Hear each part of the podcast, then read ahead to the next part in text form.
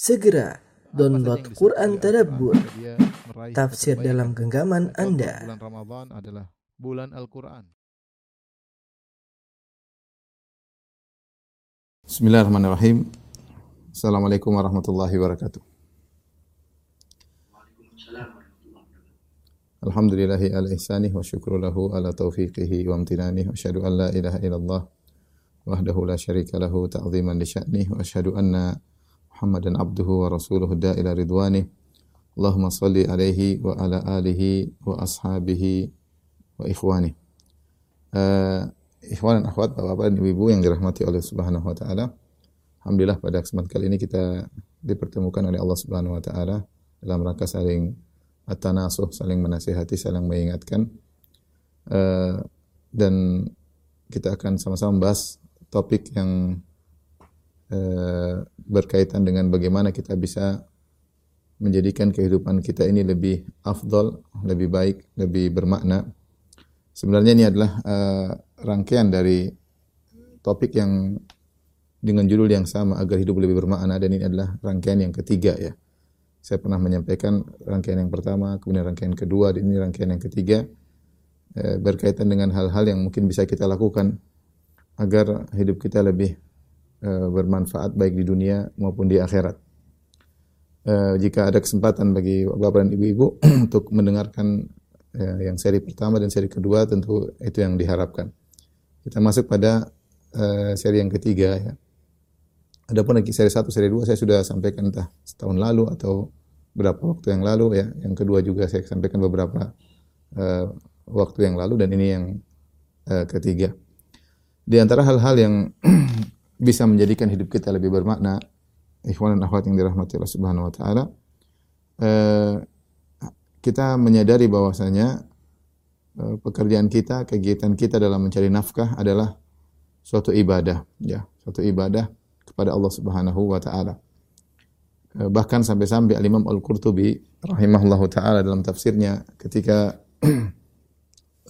menafsirkan firman Allah Subhanahu wa taala dalam surat Al-Muzammil ayat 20 kata Allah Subhanahu wa taala wa akharuna yadribuna fil ardi yabtaguna min fadlillahi wa akharuna yuqatiluna fi sabilillah.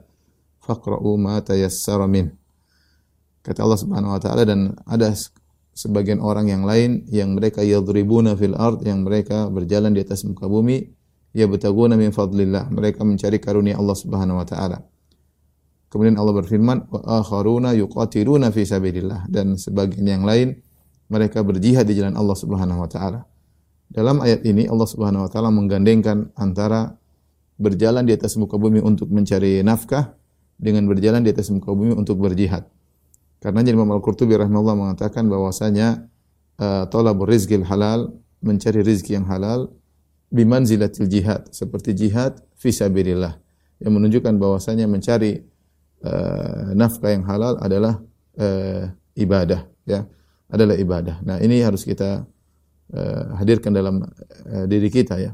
Karena memang uh, terlalu banyak dalil-dalil yang menunjukkan bahwasanya mencari nafkah yang halal adalah ibadah yang mulia ya. Bahkan seperti dalam ayat ini di mana Allah menggandengkan antara mencari rizki yang halal dengan berjihad di jalan Allah Subhanahu wa taala. Sehingga dikatakan kedudukannya seperti berjihad di jalan Allah Subhanahu wa taala.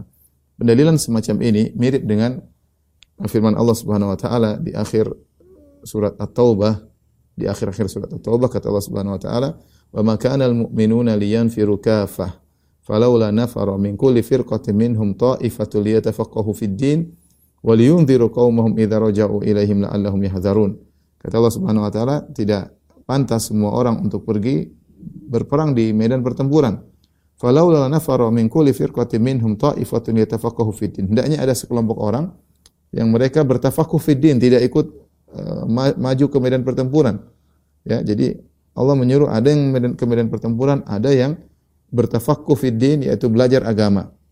Sehingga para ulama mengatakan orang belajar agama adalah salah satu dari bentuk berjuang di jalan Allah Subhanahu wa taala karena Allah menggandengkan antara uh, berjuang di medan pertempuran dengan berjuang dalam menuntut ilmu. Di sini sehingga dikatakan menuntut ilmu, belajar, berdakwah itu adalah bagian dari berjuang di jalan Allah Subhanahu wa taala. Sama halnya dengan dalam surat Al-Muzammil. Dan ini fikih dari Al-Imam Al-Qurtubi rahimahullahu taala. Ketika uh, mencari nafkah digandengkan dengan berjuang di jalan Allah, maka dianggap oleh Imam Al-Qurtubi bahwasanya berjuang mencari nafkah yang halal adalah bentuk dari jihad. Dan itu benar-benar terasa terutama di zaman sekarang ini yang di mana cara-cara untuk mencari uang yang eh, haram ya banyak sekali ya. Eh, mungkin bisa jadi pekerjaan dalam bentuk pekerjaan yang haram, bisa jadi asalnya pekerjaan tersebut halal namun cara-caranya adalah cara-cara yang yang haram. Saya ingin menegaskan hal ini karena saya lihat para peserta kebanyakan pengusaha ya, maka hendaknya dia merenungkan hal ini bahwasanya waktu kita atau waktu bapak-bapak dan ibu-ibu mungkin banyak yang digunakan untuk uh, secara umum kita semua dalam rangka mencari uh, nafkah, mencari rezeki, maka hendaknya kita menghadirkan dalam diri kita bahwasanya kita sedang uh, beribadah, kita sedang uh, beribadah. Di antara hal yang menunjukkan bahwasanya mencari nafkah adalah uh, ibadah jalan menuju surga uh, ketika ditempuh dengan cara yang benar di, di antaranya Nabi SAW pernah memuji pedagang yang jujur. Kata Nabi SAW, At-tajir, as-sadiq, al-amin, ma'an nabiyyin, was-siddiqin, was-syuhada. Sungguhnya pedagang yang jujur, uh, yang terpercaya, yang amanah, bersama dengan para nabi, para siddiqin, para syuhada. Itu akan mendapatkan ganjaran yang besar di akhirat kelak. Bahkan ma'an nabiyyin bersama orang-orang yang bersama para nabi, para orang-orang yang siddiq dan para syuhada. Menunjukkan mereka pedagang para pedagang yang jujur uh, memiliki kedudukan yang tinggi di sisi Allah Subhanahu wa taala. Yaitu mereka para pedagang tersebut masuk surga ya meraih kedudukan yang tinggi karena mereka menjadi pedagang yang bertakwa kepada Allah Subhanahu wa taala. Ini memperkuat pembahasan kita bahwasanya mencari nafkah adalah ibadah. Mencari nafkah adalah, adalah uh, ibadah. Di lain sisi, Nabi SAW menyebutkan bahwasanya orang yang mencari nafkah dengan cara yang haram membuat mereka masuk dalam neraka jahanam seperti kata Nabi SAW uh, tujar uh, fujar tujar fujar sungguhnya para pedagang adalah orang-orang fajir. Ya. Maka ada yang bertanya alaisa qad ahallallahu al-bai'a ya Rasulullah bukankah Allah telah menghalalkan jual beli perdagangan?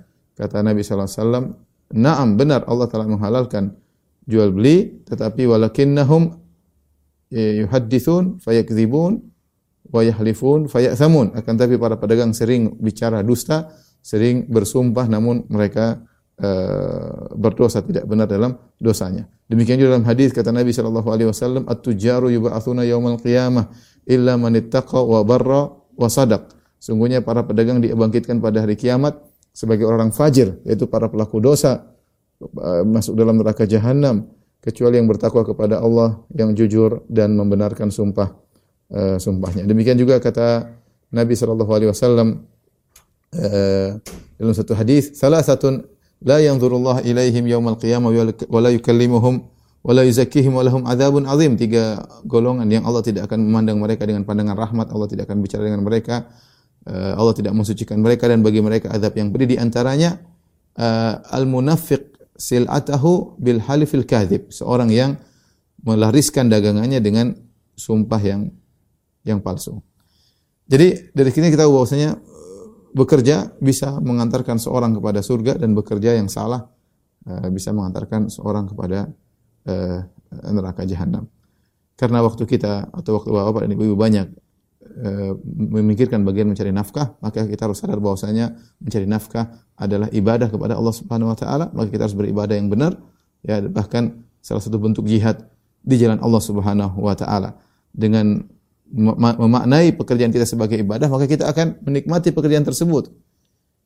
Maka pasanglah banyak niat dalam bekerja tersebut. Pasang banyak niat. Niat bahwasanya saya ingin bekerja untuk menafkahi anak istri saya karena Allah menyuruh saya menafkahi anak istri saya, menafkahi keluarga saya dan menafkahi keluarga hukumnya wajib.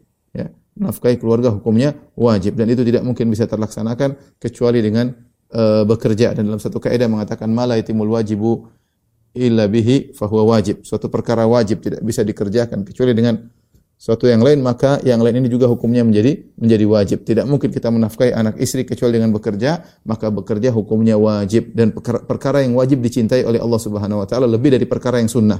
Lebih dari perkara yang sunnah. Oleh karenanya Nabi SAW bersabda, sekeping dinar, dinarun anfaqtahu fi sabilillah, sekeping dinar yang kau infakkan di jalan Allah, dinar anfaqtahu fi raqabah, sekeping dinar yang kau infakkan di uh, para budak, wa dinarun anfaqtahu uh, ala tasaddaq tabi ala miskin, dinar yang kau infakkan untuk orang miskin, wa dinarun anfaqtahu ala ahlik dan sekeping dinar yang kau infakkan untuk keluargamu, a'dhamuhu ajran alladhi anfaqtahu ala ahlik, yang lebih besar pahalanya yang kau keluarkan untuk menafkahi uh, keluargamu. Jadi ini hadirkan dalam diri kita, saya bekerja untuk menafkahi anak istri dan ibadah yang Allah wajibkan kepada uh, kepada saya. Yang kedua, ikhwan dan akhwat yang Allah Subhanahu wa taala mencari dalam bekerja gantungkan hati kita kepada Allah Subhanahu wa taala karena kita sedang beribadah.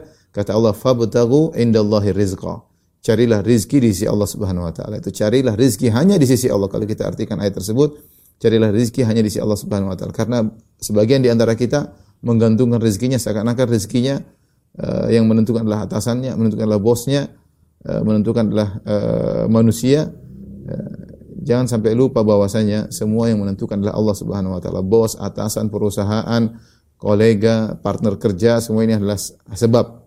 Jangan sampai kita meyakini bahwa kita dapat rezeki dari mereka. Tidak, yang memberi rezeki hanyalah Allah Subhanahu wa taala sehingga tatkala kita bekerja benar-benar kita merasa dalam ibadah kepada Allah Subhanahu wa taala. Kemudian pasang lagi niat dalam diri kita bahwasanya kita akan infakkan sebagian apa yang kita peroleh ya. Selain untuk keluarga adalah infak yang wajib, kita berusaha juga memiliki infak yang disunahkan.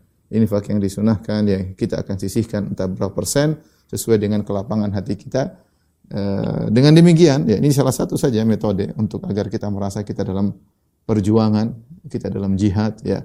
Maka jika dia menjalani kehidupan tersebut dengan merasa pekerjaan adalah ibadah, maka waktunya akan berkah. Waktunya akan berkah. Berbeda dengan orang yang hanya menjalani kegiatan kesehariannya tanpa ada merasakan hal tersebut, ya. Karena niat ini sangat penting, ya. Niat itu sangat penting untuk menjadikan suatu yang duniawi menjadi suatu yang ukhrawi, ya. Ini sangat penting. Makanya dalam hadis kata Nabi sallallahu alaihi wasallam, "Lasta tunfiqu nafaqatan tabtaghi biha wajh Allah illa ujirta 'alaiha hatta luqmata allati taj'ala fi muratik." Tidaklah kau uh, menginfakkan uh, apa namanya apa pun suatu nafkah Ya, engkau mencari wajah Allah kecuali kau akan dapat pahala sampai suapan yang kau suapkan ke mulut istrimu. Menyuap makanan ke mulut istri adalah perkara duniawi, ya. Tapi bagaimana cara membuat perkara duniawi ini menjadi suatu yang berpahala di sisi Allah dengan pasang niat. Bahwasanya saya uh, menafkahi istri saya karena wajah Allah Subhanahu karena perintah Allah Subhanahu wa taala. Ini yang ini yang, ini yang perlu kita pasang sehingga eh, hari-hari uh, yang berlalu, bulan-bulan, tahun-tahun kegiatan kita, kemudian letih, ya segalanya, keringat yang bercucuran, semuanya bernilai pahala di sisi Allah Subhanahu wa taala karena kita tahu uh, mencari nafkah adalah jihad fisabilillah. Dan kalau kita meninggal dalam kondisi uh, mencari nafkah yang halal, mencari nafkah yang halal, maka mudah-mudahan kita mendapatkan husnul khatimah karena kita sedang berjuang mencari nafkah buat anak istri, mungkin buat orang tua, mungkin buat kakak adik yang masih kekurangan. Kita niatkan demikian, maka semua waktu kita tidak ada yang sia-sia ya meskipun zahirnya kita sedang tenggelam dalam perkara dunia. Zahirnya kita sedang tenggelam dalam perkara dunia tapi e, ternyata itu berpahala di sisi Allah Subhanahu wa taala. Niat dipasang. Ini perkara yang pertama yang mungkin bisa jadi apa namanya e, renungan dalam kehidupan sehari-hari. Di antara hal yang lain yang mungkin bisa menjadikan e, hidup kita lebih bermakna, lebih bermanfaat ya eh, di antaranya berusaha memberi uzur kepada orang lain ya, berusaha memberi uzur kepada eh, orang lain ya. Kita menyadari bahwasanya dalam kehidupan ini tidak ada yang sempurna ya. Tidak ada yang sempurna dan manusia tempatnya eh, lupa dan kesalahan, mahalul khata' wa nisyan. Manusia tempatnya lupa dan kesalahan, baik kesalahan yang disengaja maupun tidak uh, disengaja. Uh, seringlah memberi uzur kepada orang lain sebagaimana kita senang kalau kita diberi uzur oleh orang lain. Kita sadar kita sendiri punya kekurangan dan kita sadar bahwasanya yang ada di sekeliling kita juga memiliki uh, kekurangan. Kita memberi uzur dan juga kita mudah uh, memaafkan. Yang menjadikan hal ini mudah bagi kita, ya, ketika kita tahu bahwasanya meredam amarah, memaafkan, memberi uzur adalah ibadah, ibadah kepada Allah Subhanahu wa taala. Karena ketika kita mengucapkan kata lafal ibadah, terkesan selalu namanya ibadah itu adalah suatu uh, apa namanya kegiatan antara kita dengan Allah Subhanahu wa taala seperti baca Quran, seperti salat, uh, seperti berzikir ya, umroh haji dan yang semisalnya. Padahal di antara ibadah yang pahalanya besar adalah bagaimana interaksi kita dengan orang lain. Ini juga membuka uh, pintu pahala yang sangat banyak. Bukankah berbakti sama orang tua adalah bentuk interaksi antara kita dengan orang lain? Itu juga ibadah. Uh, bukankah menjadi suami yang terbaik bagi istri Eh, juga merupakan ibadah pahalanya besar menjadikan seorang mulia di sisi Allah Subhanahu wa taala bukankah seorang wanita kalau untuk masuk surga tinggal menjadi wanita yang soleha yang taat kepada suami itu juga bentuk interaksi dengan orang lain eh, bukankah bersedekah kepada orang miskin perhatian perhatian kepada anak yatim kepada fakir miskin kepada janda kepada orang-orang susah juga ibadah. Jadi intinya jangan kita bayangkan bahwasanya ibadah hanyalah kita buka Quran atau kita berzikir atau kita umroh haji, tidak ada pintu ibadah yang pahalanya sangat besar adalah memberi uzur kepada orang lain, memaafkan orang lain, meredam amarah, tidak marah kepada kepada orang yang berbuat salah kepada kita. Dalil yang akan hal ini dalam surat Ali Imran kata Allah Subhanahu wa taala wasari'u ila maghfiratin min rabbikum wa jannatin arduha samawati wal ardu iddat lil muttaqin alladziina yunfiquna fis sarra'i wad dharra'i wal kadhimin al ghaidha wal 'afina 'anil nas Wallahu yuhibbul muhsinin. Bersegera kalian menuju kepada ampunan Allah, menuju surga Allah yang luasnya seluas langit dan bumi, yang Allah siapkan surga tersebut bagi orang yang bertakwa. Siapa orang bertakwa yang disiapkan surga baginya? Alladzina yunfiquna fis sarra'i wad dharra, yang berinfak dalam kondisi lapang maupun sulit tetap berinfak. Wal kadhiminal ghaidh, orang-orang yang meredam amarah, wal afina anin nas, dan orang-orang yang memaafkan orang lain, ya. Memaafkan orang lain. Allah juga berfirman, jadi mereka inilah para penghuni surga. Allah sebutkan ibadah yang berkaitan interaksi dengan orang lain. Wallahu yuhibbul muhsin. Setelah itu Allah mengatakan Allah mencintai orang berbuat ihsan. Yaitu yang berinfak pada orang lain, meredam amarah dan memaafkan. Allah berfirman, "Falyafu wal yasfahu, ala tuhibbun ayaghfirallahu lakum?" Maafkanlah dan lapanglah, lapanglah dada. Tidakkah kalian dicintai, ingin di, dimaafkan oleh Allah Subhanahu wa taala. Nah, kita kalau mudah maafkan, hidup kita akan lebih bermakna karena di sekeliling kita ini orang-orang yang sebagaimana kita punya kekurangan, mereka juga punya kekurangan. Membantu kita, tidak sempurna, punya kekurangan. Tidak dapat membantu. Sisi lain dia baik, ternyata sisi lain mungkin kurang amanah, mungkin ada masalah, mungkin ini ya. Uh, istri kita, suami kita, anak-anak kita. Latih diri kita untuk berlapang dada, mudah memberi memberi uzur ya. Kita sudah men-style, men-setting diri kita bahwasanya sekeliling kita tidak ada yang uh, yang sempurna. Pegawai kita ya, teman kita ya, teman kita yang kita harapkan uh, untuk hadir pada waktunya ternyata tidak hadir misalnya. Nah, dia punya uzur ya. Dia punya uzur. Uh, kita inginnya seorang uh, harusnya tegar ternyata tidak tegar. Ya manusia punya kekurangan. Manusia punya kekurangan. Nah, ketika kita memberi uzur kepada orang sekitar kita, ya, kita dapat pahala. Ya. Jangan disangka tidak ada pahalanya. Pahalanya besar. Bahkan dia salah satu sebab uh, masuk surga tadi adalah memaafkan uh, orang lain, meredam amarah, memberi uzur kepada uh, kepada orang lain. Ini uh, di antara hal yang menjadikan kehidupan kita menjadi lebih lebih afdal. Tapi bukan, bukanlah maksud saya ketika kita memberi uzur kepada orang lain kita tidak kasih masukan, tidak. Kita memberi uzur tapi kita memberi masukan sebisa kita agar memperbaiki orang-orang tersebut ya. Tapi kalau hidup kita dipenuhi dengan amarah, uh, tidak memberi uzur kepada orang lain, akhirnya kita ditimpa dengan ujub ujub, merendahkan orang lain, kemudian muncul dari ujub muncul kesombongan dan yang lainnya sehingga akhirnya uh, waktu kita uh, terbuang ya, uh, kemudian uh, hati kita penuh dengan kebencian dan yang lain itu tentunya tidak diharapkan dalam kehidupan kita yang sangat terbatas ini. Kemudian yang berikutnya, yang ketiga yang berkaitan juga dengan uh, sebelumnya, ini penting dalam dalam bermuamalah secara umum interaksi dengan orang lain ya. Berkaitan dengan yang sebelumnya, uh, yaitu jangan memaksa orang-orang mengikuti keinginan kita ya. Kita ingin semua orang seperti kita ingin tetangga kita sesuai dengan keinginan kita. Maunya tetangga kita begini, begini, begini. Belum tentu tetangga kita seperti itu.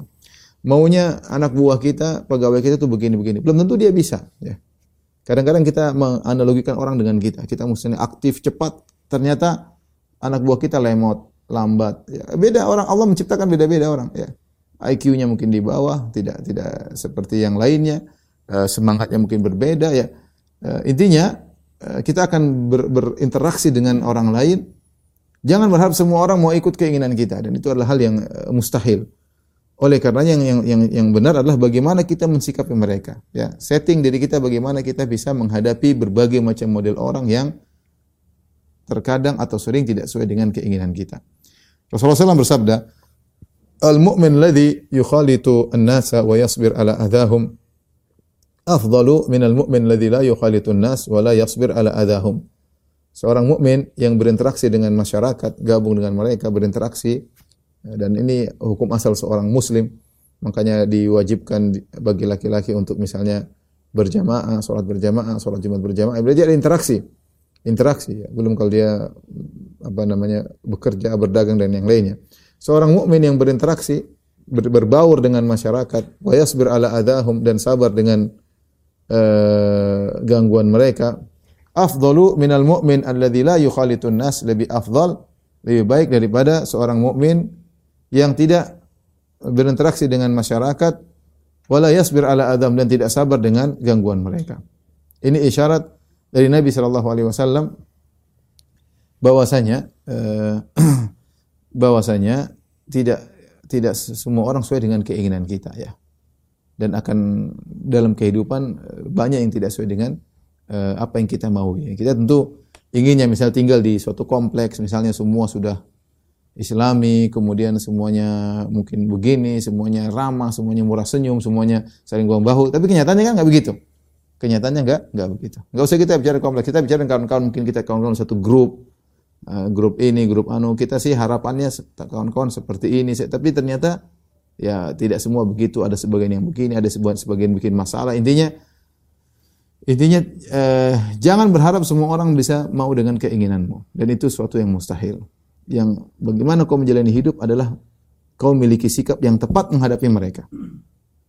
Punya sikap yang tepat menghadapi mereka. Kita punya teman aja, jangan teman jauh teman satu grup, ada empat orang, lima orang, enam orang misalnya. Mereka punya tipikal yang berbeda-beda.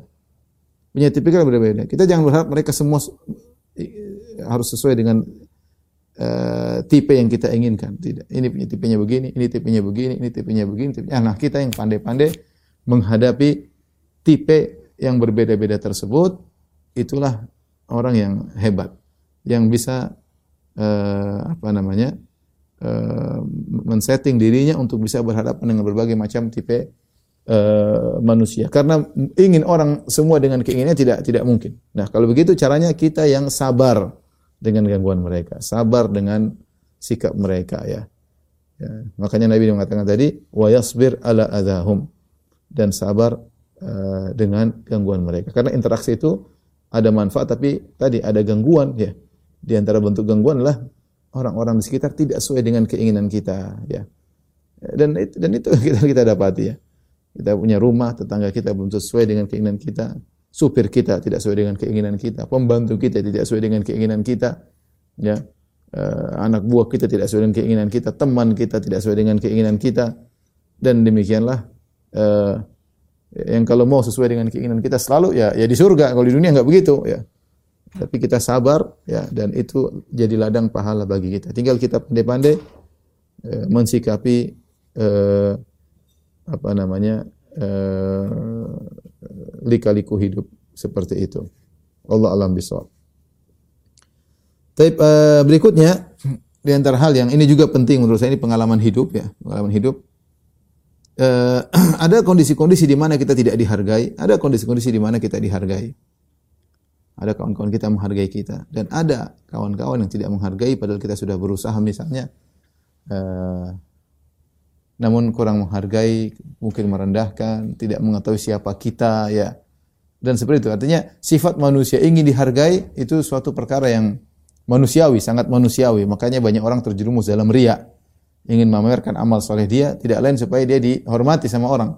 Maka dia cerita, saya sudah begini, saya sudah begini, saya sudah umrah berapa kali, sudah haji berapa kali, sudah bangun masjid, saya sudah bersedekah di sana, saya sudah bersedekah di sini, saya begini. Tujuannya apa? Agar agar dipuji, agar dipuji, disanjung, dihormati oleh orang-orang yang mendengarnya. Maka saya bilang sangat manusiawi uh, seorang ingin di, uh, dihargai, diakui, dihormati dan yang lainnya. Tetapi ada kondisi-kondisi di mana ya uh, kita tidak dihargai, ya kita tidak dihargai sebagaimana yang seharusnya. Kita tidak ingin dipuji, tapi kita terkadang kita ingin ya saya hendaknya dihargai lah. Saya sudah berusaha dan yang lainnya, ya.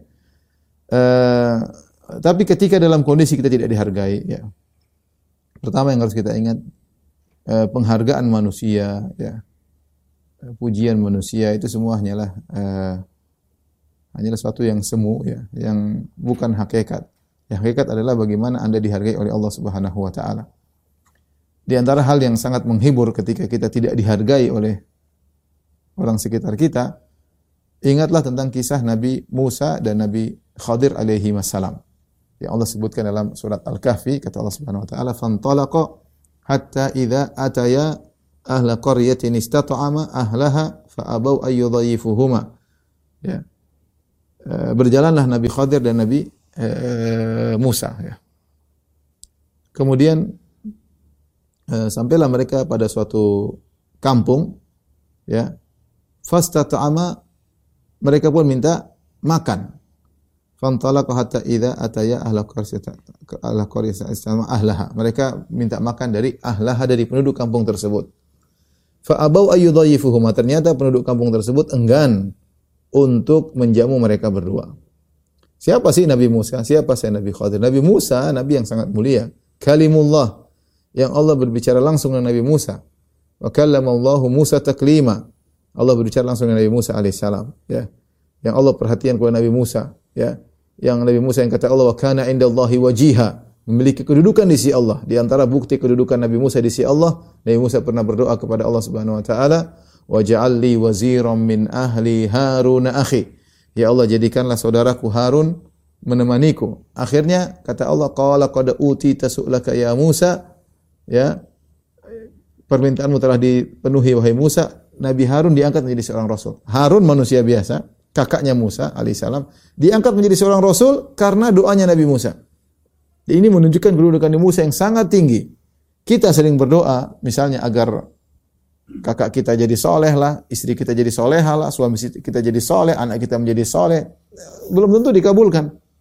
Belum tentu dikabulkan. Betapa sering kita ingin orang tertentu menjadi soleh. Ini Nabi Musa bukan bukan berdoa agar kakaknya jadi soleh, jadi rasul. Jadi rasul. Allah kabulkan. Dan ini jasa yang besar dari Nabi Musa kepada kakaknya. Dia berdoa agar kakaknya menjadi seorang rasul dan kata Allah, "Qala qad utita su'laka ya Musa." Permintaanmu langsung dipenuhi. Saat itu juga Allah berbicara langsung dengan Nabi Musa alaihissalam. Dan itulah benar, makanya Allah mengatakan wa kana indallahi wajiha. Dan Nabi Musa memiliki kedudukan di sisi Allah Subhanahu wa taala. Nabi Musa alaihissalam yang kedudukannya tinggi ini ternyata dalam beberapa kondisi dia tidak dihargai oleh orang jauh, bahkan terkadang sebagian orang dekat tidak menghargainya. Ya. E, sebagai contoh bagaimana dia tidak dihargai, kisah yang saya sebutkan tadi yang dalam surat Al-Kahfi, fantalaqa berjalanlah Musa dengan Khadir e, menuju ke e, satu penduduk satu negeri. Hatta idza ataya fantalaqa hatta idza ataya ahla qaryatin istata'ama. Sampailah mereka pada suatu penduduk suatu kampung, istata'ama ahlaha mereka berdua minta makan. Minta makan, makan berapa sih nilainya? Ya. Apa yang dilakukan oleh penduduk kampung tersebut? Fa'abau ayyudhayifuhuma. Ternyata mereka enggan kasih makan kepada Musa dan Khadir. Makanya kita kadang ustad, saya ustad sebagai ustad, kadang saya tidak dihargai. Ya sudahlah. Mungkin saya ceramah ngomong sendiri, mungkin saya saya ingat Nabi Musa alaihissalam yang seorang nabi tidak dihargai, bahkan minta makan tidak dikasih, minta pemberian sedikit. Padahal mereka punya hak untuk di punya hak untuk dijamu. Bahkan Al-Alusi rahimahullah dalam tafsirnya menyebutkan bagaimana Nabi Musa dan Nabi Khadir uh, minta kepada penduduk negeri seluruhnya. Jadi seakan-akan dari pintu ke pintu mereka ketuk untuk minta hak untuk dijamu. Dari pintu ke pintu semuanya fa'abau ayyudhayifuhuma. Semuanya enggan untuk memberi uh, penghargaan kepada mereka berdua. Namun apakah Musa marah-marah? Apakah Khadir marah-marah?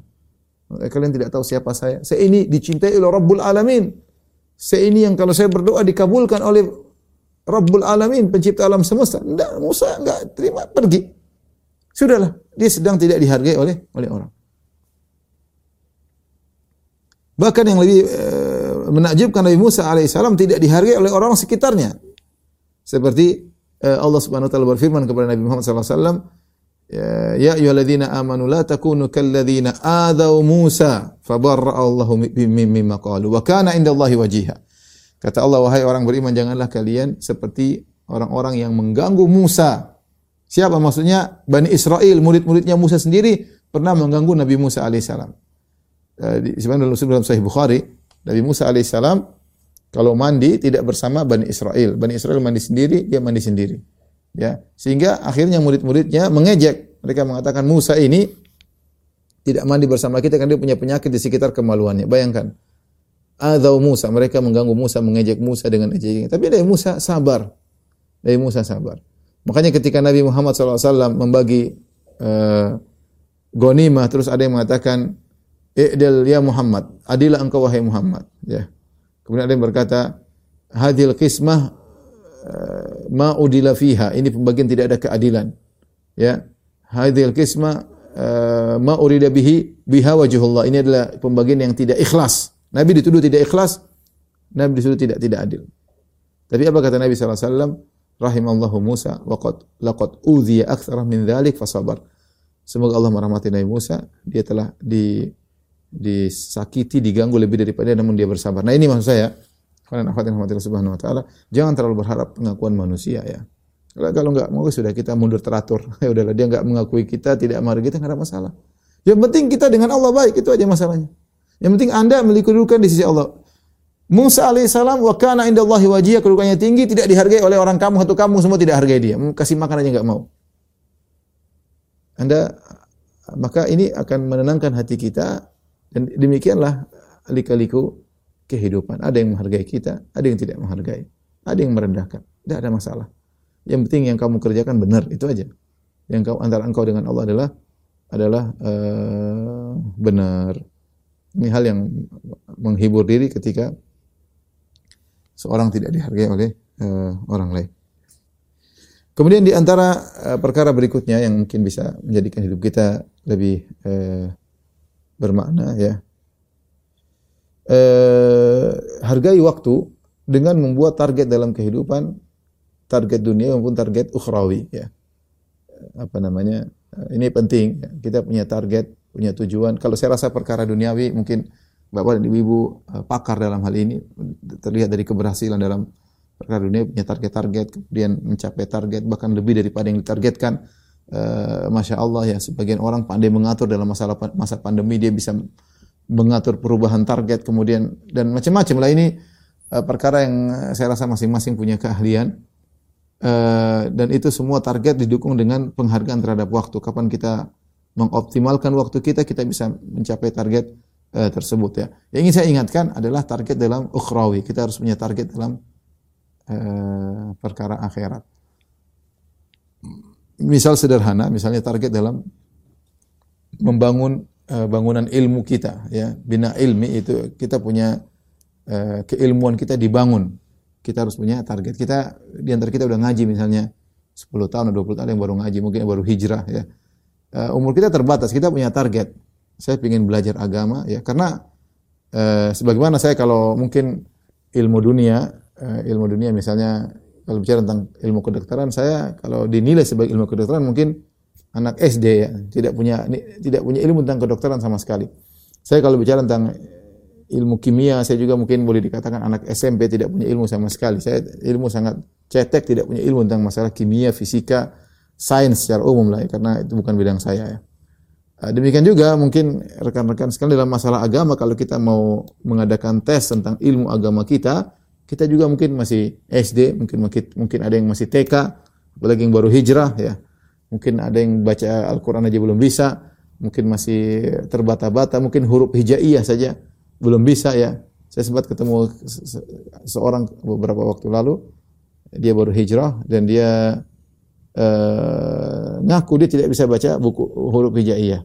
Makanya dia senang kalau ada program doa yang ada huruf Latinnya karena dia bisa Latin uh, Quran nggak bisa ya. Jadi ada juga orang seperti itu. Nah, maksud saya kita harus punya target ya dalam kehidupan karena target ini berkaitan dengan nasib kita di akhirat dengan kehidupan yang berikutnya ya. Karena sebagaimana perkataan seorang di hari kiamat kala yaqulu ya laitani qaddamtu li hayati. Penyesalan dia mengatakan seandainya dulu saya melakukan perbuatan-perbuatan di dunia yang baik untuk saya jadikan model saya li hayati pada kehidupanku yang sungguhnya itu kehidupan akhirat. Ya, jadi kita harus punya target duniawi eh, yang kita lakukan di dunia, target ukhrawi untuk kehidupan kita di di masa depan yang abadi. Ya, eh, target ukhrawi. Ini berkaitan dengan ibadah kita. Kita punya target. Sebagian orang masya Allah punya target ingin haji misalnya tahun sekian maka dia kumpulkan uang. Ada yang punya target umroh. Ini bagus dia dia punya target. Ya. Dia berusaha mencapai target eh, tersebut. Di antaranya target dalam ilmu ya misalnya saya punya target setahun ini saya harus bisa tajwid. Saya harus bisa baca Quran dengan tahsin. Gimana caranya? Kalau kita nggak targetkan, nggak akan bisa berhasil. Ya. Uh, innamal ilmu bita'allum. Ilmu itu diraih dengan belajar, ya.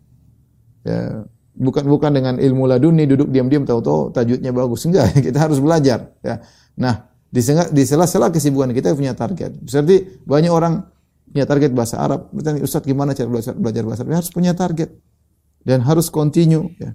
berkesinambungan ya. berat Ustaz. Ya apa berat. Tapi kalau kamu terus-terusan akan jadi ringan. Sepekan sekali ada kurs bahasa Arab. Setahun aja kau akan merasakan perubahan. Tapi terus menerus jangan sampai bolos misalnya. Kalau bolos maka cari hari yang ganti misalnya.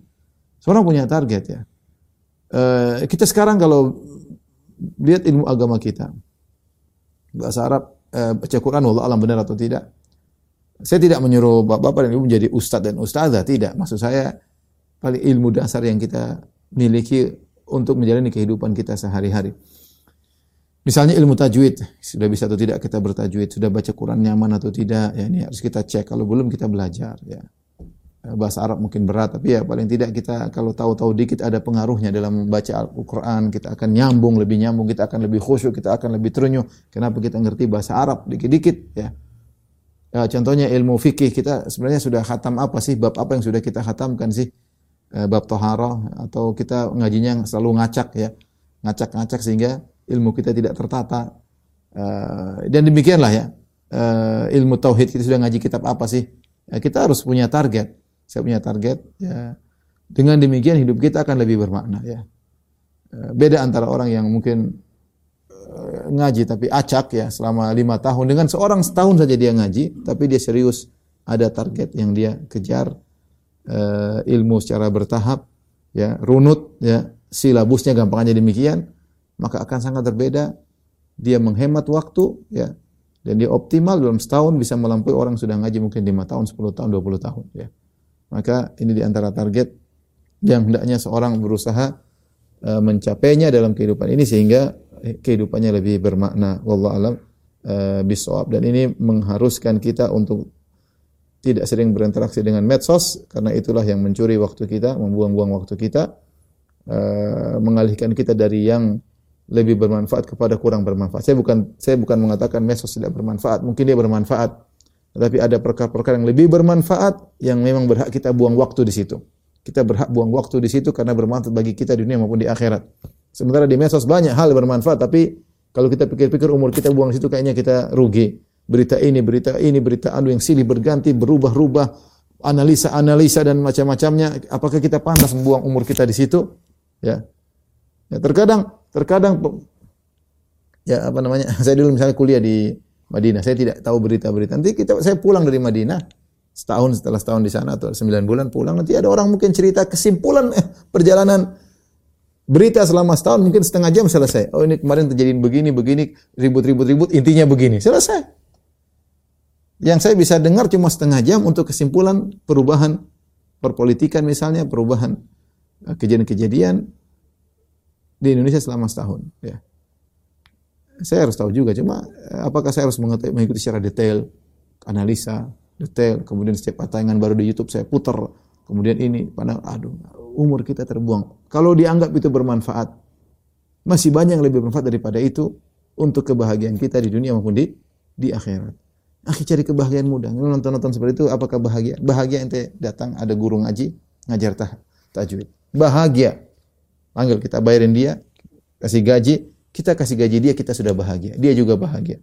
Kita dapat ilmu dari dia, kita lebih eh, bahagia. Ini yang membuat kita hidup kita lebih bermakna. Kalau umur kita terbuang-buang, jenggot sudah pada putih semua, rambut sudah ubanan ya, mata sudah mulai rabun, telinga mulai budek, kulit mulai keriput, tapi targeting di tentang perkara-perkara akhirat masih belum kelihatan.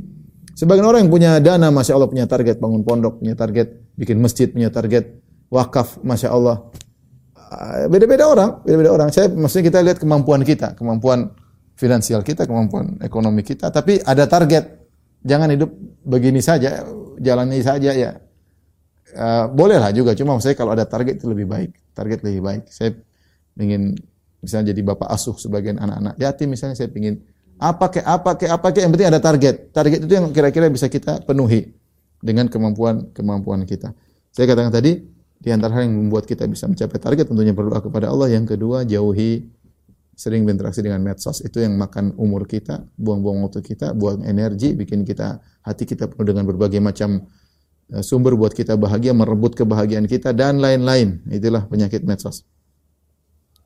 Tapi eh, di antaranya yang eh, hmm, apa namanya perlu menjadi eh, landasan kehidupan kita, eh, jangan pernah sibuk cari aib orang lain. Kita ini bersyukur kepada Allah kalau kita tidak mendengar aib orang lain, ya. Kita bersyukur. Kenapa? Karena hati ini tidak bisa kita pungkiri, dia eh, apa namanya? eh, respon dengan informasi yang masuk kepadanya ya. Respon. Kalau kita dengar aib orang, kita akan respon. Kamu kita diam-diam saja itu enggak. Kita respon. Entah kita merendahkan dia, entah kita wah apa ini, entah, entah kita pingin tahu. Padahal eh, aib kita begitu banyak. Sibukkanlah kita untuk dengan aib kita, sehingga kita tidak sibuk dengan aib orang lain. Jangan berusaha mencari aib orang lain di medsos dan lain. Jangan berusaha mendengar tentang aib orang lain. Ya. Kalaupun sudah mendengar aib orang, maka sunnahnya adalah kita tutup.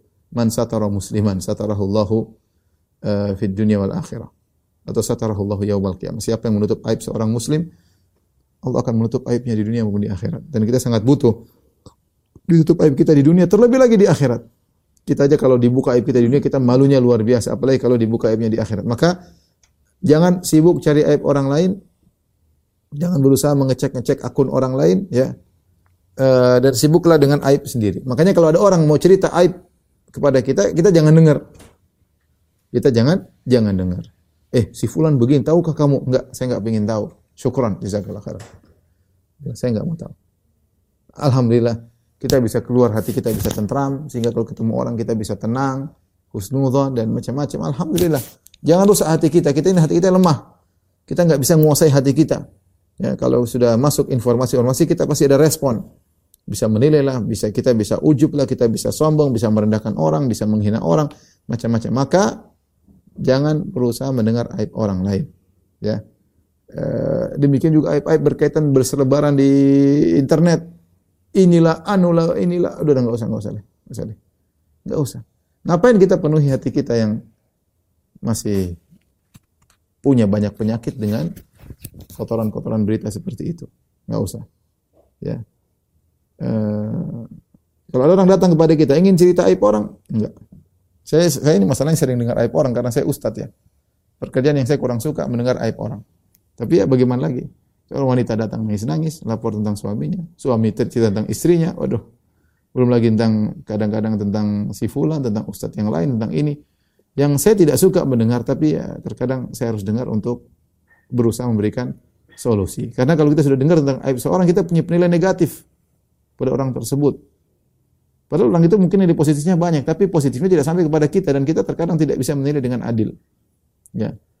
E, makanya saya bisa mungkin tidak usah dengar aib orang lain. Pernah ada orang datang kepada saya, Ustaz saya mau cerita tentang sesuatu. Aduh, saya nggak mau dengar. Ustaz, Ustaz dengar aja sebentar. Enggak, saya nggak mau dengar. Saya ingin tentram. Ustaz ini kan versi saya enggak, saya nggak mau dengar. Saya nggak mau versi anti, versi antum, versi dia, versi enggak. Saya nggak mau. Ya. Saya nggak mau. Ya. Alhamdulillah saya begini hidup dengan tenang, tidak tahu aib orang lain, saya lebih bahagia. Ya. Karena kalau sudah tahu orang, kita gatal cerita lagi, menyampaikan ke orang. Menutup itu tidak mudah, menutup aib. Karena apalagi kalau kita lagi jengkel sama dia, oh kita bakalan bongkar aib dia. Ya. Mungkin tidak tahu aib orang, alhamdulillah. Ya, lebih lebih tentram. Jadi sibuklah dengan aib kita. Kita ini masih banyak kekurangan. Aib berkaitan dengan pandangan kita yang tidak bisa kita jaga, aib berkaitan dengan pendengaran kita yang tidak bisa kita jaga, lisan kita suka komentar yang enggak-enggak, aib terhadap sikap kita terhadap istri kita yang tidak bisa sempurna, masih banyak kekurangan, aib kita terhadap bagaimana tidak bisa menghargai suami dengan baik, yang belum bisa berbakti pada suami, aib kita ngurus anak-anak enggak enggak becus. Anak enggak becus kita urusin, kita mau urusin aib orang. Anak-anak saja kita enggak becus ngurusinnya, enggak bisa kita atur. Masih banyak aib kita. Aib kita tidak bisa berbakti kepada orang tua, masih pelit sama orang tua Mau kumpulin aib kita banyak banget. Ngapain kita ngurusin aib orang orang lain? Ya. Itu jadi pedoman hidup kita. Jangan kita ngurusin aib orang lain. Kalau ada yang mau cerita aib orang, afwan saya nggak dengar. Antum aja, mikir saya enggak lah. Ya. Tapi ini di antara uh, pedoman mungkin yang bisa kita jalan kehidupan kita. Di antara lain, ini juga penting ikhwan. Uh, ini saya dapatkan dari Ibnu Taimiyah rahimahullah taala.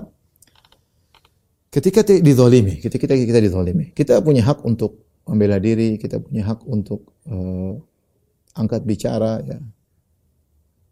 Uh, kita punya hak untuk demikian. Tapi terkadang kita menimbang apa kita perlu bicara, perlu kita perlu angkat. Misalnya dituduh yang tidak tidak, uh, direndahkan atau dihina, disalahpahami atau di framingkan apa yang kita ucapkan kepada hal yang buruk dan yang lainnya, Eh, kita punya pilihan kita hadapi, kita cari solusi atau solusi lain yang ditawarkan oleh Ibnu adalah serahkan kepada Allah. Serahkan kepada Allah. Ketika kau sudah serahkan kepada Allah, jangan coba-coba kau ikut andil dalam mencari solusi. Ada hal-hal yang kita bisa langsung solusi menurut kita ini perlu kita terus campur. Ada hal-hal yang kita rasa ini serahkan saja kepada Allah. Ya. Serahkan kepada Allah. Kalau, kalau maksud saya begini, kalau kita sudah serahkan kepada Allah, ya, jangan coba-coba untuk membela diri. Sudah serahkanlah kepada Allah, nanti Allah yang atur dengan cara Allah. Mungkin lambat, mungkin cepat, tapi yakinlah itu cara yang terbaik. Ya. Ada hal-hal yang kita hadapi yang kita nggak bisa berbicara. Berbicara hanya buang-buang waktu, berbicara hanya menghabiskan umur kita, berbicara pun belum tentu kita menang. Saat itu cukup berdoa kepada Allah, ya Allah, saya serahkan urusanku kepadamu ya Allah. Engkau sebaik-baik tempat pertolongan. Engkau sebaik-baik tempat uh, solusi. Ya maka saya serahkan urusanku pada ini uh, seringlah kita praktekkan dalam kehidupan kita ada hal-hal yang kita nggak bisa serahkan pada tapi benar-benar kita serahkan sekali lagi benar-benar kita serahkan ketika kita sudah bertekad menyerahkan kepada Allah tidak usah kita usik-usik hal tersebut. Ada orang pancing-pancing nggak usah kita terpancing. Adalah enggak minta komentar nggak usah komentar. Ini enggak serahkan kepada Allah. Dan itu lebih tenteram.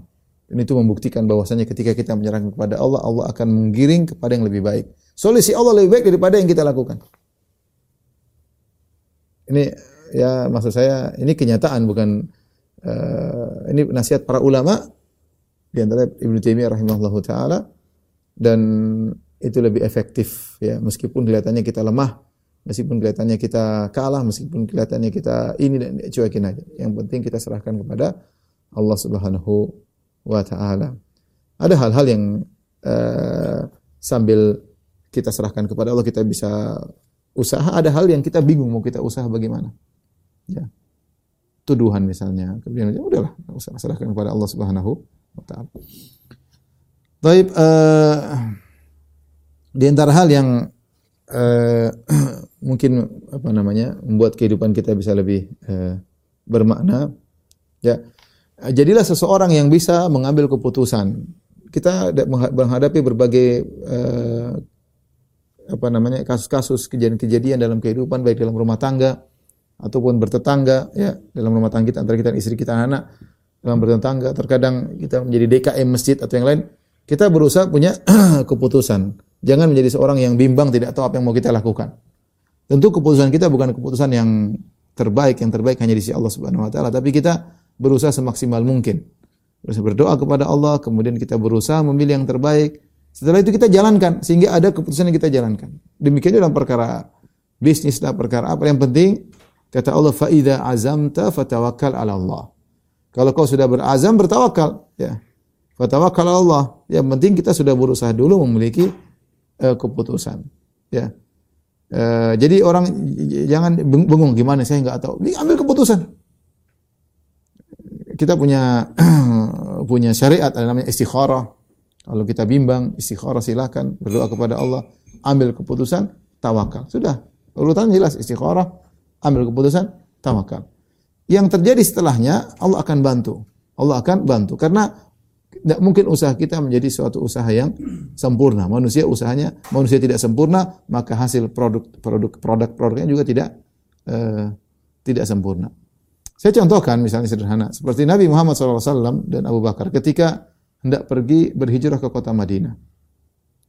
Mereka sudah mengambil keputusan kapan harus berangkat meninggalkan kota Mekah menuju Madinah, apa yang harus mereka lakukan dengan mengambil menyewa penunjuk jalan bernama Abdullah bin Uraiqid, kemudian harus ke gua Jabal Thur dulu tiga hari supaya mengelabui orang-orang musyrikin Arab. Kemudian ada uh, Amir bin Fuhairah yang mengembalakan kambing untuk menutupi jejak kaki langkah Nabi dan Abu Bakar. Semua mereka sudah kerjakan. Jadi itu usaha maksimal. Tapi apakah sempurna? Jawabannya tidak. Ketika Nabi SAW dan Abu Bakar masuk ke uh, Goa Jabal Thur atau Gor Thur, Goa Thur, ternyata mereka ditemukan lokasi mereka orang musyrikin. Namanya produk manusia tidak ada yang bisa sempurna. Sampai pasukan kaum musyrikin tersebut sudah ada di mulut goa. Sampai kemudian uh, Abu Bakar berkata, "Lau lau ahadu ahaduhum ila tahti qadamaihi la la absarana law absara ahadukum ila ahaduhum ila tahti qadami la absarana jika salah seorang dari mereka yang nengok ke bawah pasti ngelihat kita. Ya, di mulut gua mulut gua terbuka. Kalau ngelihat ngelihat ke bawah pasti ketahuan. Tapi apa kata Nabi sallallahu alaihi wasallam? La tahzan innallaha ma'ana. Ya, jangan kau sedih Allah bersama kita. Jadi seorang berusaha mengambil keputusan sisanya serahkan kepada Allah Subhanahu wa taala. Ya ikuti prosedur istikharah, berdoa kepada kalau tidak sempat istikharah berdoa kepada Allah Subhanahu wa Yang terbaik adalah salat istikharah tapi kalau tidak mampu yang penting bismillah. Yang penting eh, bismillah. Fa idza azamta fatawakkal. Kalau sudah berazam bertawakal. Lanjutkan. Dan apa kata para ulama la nadamah la nadma ma'al istikharah. Tidak ada tidak ada penyesalan kalau sudah eh, istikharah. Tapi maksud saya dalam menjalani kehidupan harus ada keputusan. Kita punya masalah sama istri, ada keputusan yang kita ambil. Kita punya masalah sama anak, ada keputusan yang kita ambil dan kita azam bertawakal kepada Allah. Kita punya kasus eh, dengan tetangga, kita punya keputusan yang kita ambil. Ya, jadi bukan bimbang nggak tahu apa yang kita lakukan, tidak berusaha kita ambil keputusan sehingga jelas apa yang kita lakukan. Masalah ini berhasil nggak berhasil serahkan kepada Allah Subhanahu Wa Taala. Yang penting Allah tahu saya sudah berusaha, saya sudah bertawakal kepada Allah. Kalau ada kekurangan Allah akan lengkapi. Sebagaimana Abu Bakar dan dan Nabi SAW dalam gua Allah Allah yang lengkapi harusnya ketahuan tidak jadi ketahuan. Penting Anda punya keputusan lakukan pesan tersebut eh, tawakal kepada Allah sisanya serahkan kepada Allah dan Allah akan melengkapi kekurangan yang tidak bisa kita lakukan karena memang kita manusia penuh dengan eh, kekurangan. Jangan bimbang dalam menghadapi eh, permasalahan. Jadi orang yang punya keputusan ya. Uh, mungkin yang terakhir ya. Uh, mumpung kita masih tinggal di rumah pandemi ada anak-anak kumpul uh, istri manfaatkan waktu untuk bercanda banyak dengan mereka main dengan mereka dekat dengan mereka ngobrol dengan mereka dengarkan uh, celotehan mereka dengarkan unek-unek mereka. Ini kebahagiaan yang ada hadir di rumah kita namun kita tidak manfaatkan. Kita merasa namanya kebahagiaan itu di luar melulu ya. Ketemu kawan bahagia jalan ke sana kemari. Ternyata kebagian kita kita ngobrol sama anak-anak bahagia, ngobrol sama istri bahagia, ngobrol sama suami bahagia, dengar candaan mereka, dengar celotehan mereka, terkadang pertengkaran di antara mereka, itu kebagian tersendiri ya. Yang kita sok sibuk sehingga kita di depan HP aja terus sibuk dengan grup-grup inilah, grup anu lah. Kita punya sumber kebahagiaan di rumah yang Allah berikan terutama di masa pandemi apalagi Ramadan sekarang menuju Idul Fitri ada waktu kita ngobrol sama mereka ya. Ngobrol sama mereka, uh, dengarkan celotehan mereka, komentar mereka, ya uh, candaan mereka. Jadi sisihkan waktu. Ketika, ketika kita sisihkan waktu anak-anak, mereka akan aktif dengan kita, akan respon. Tapi kalau kita mulai pasang diri kita seorang yang super sibuk, anak-anak ya sudah semakin jauh. Mumpung kita masih bisa dekat anak-anak. Betapa banyak orang menyesal ketika mereka jauh dari anak-anak, terutama kalau kita masih masa tua. Orang anak-anak mulai jauh dari kita sibuk ya. Jadi merasa dulu waktu masih kecil kurang diperhatikan, mungkin besar juga dia kurang perhatian. Tapi intinya ada kebahagiaan di rumahnya. Manfaatkan. Ada kebahagiaan di rumah, manfaatkan. Sisihkan waktu buat anak, ngobrol sama mereka, ketawa ketiwi, taruh HP, sudah ketawa ketiwi sama mereka. lepaskan ya eh, apa namanya? lepaskan diri kita bersama mereka. Situlah kebahagiaan yang terkadang kita cari jauh-jauh ternyata di rumah ada sumber eh, kebahagiaan. Allah alam bisawab ini mungkin sedikit unek-unek yang sempat tadi saya baru tulis tadi pagi saya lengkapi tadi pagi ya eh, tentang apa yang mau sampaikan kepada antum sekalian semoga bermanfaat. Ini adalah bagian dari sedikit pengalaman eh, kehidupan ya baik yang saya jalani maupun yang saya baca dari penjelasan para ulama. Wallahu alam bisawab.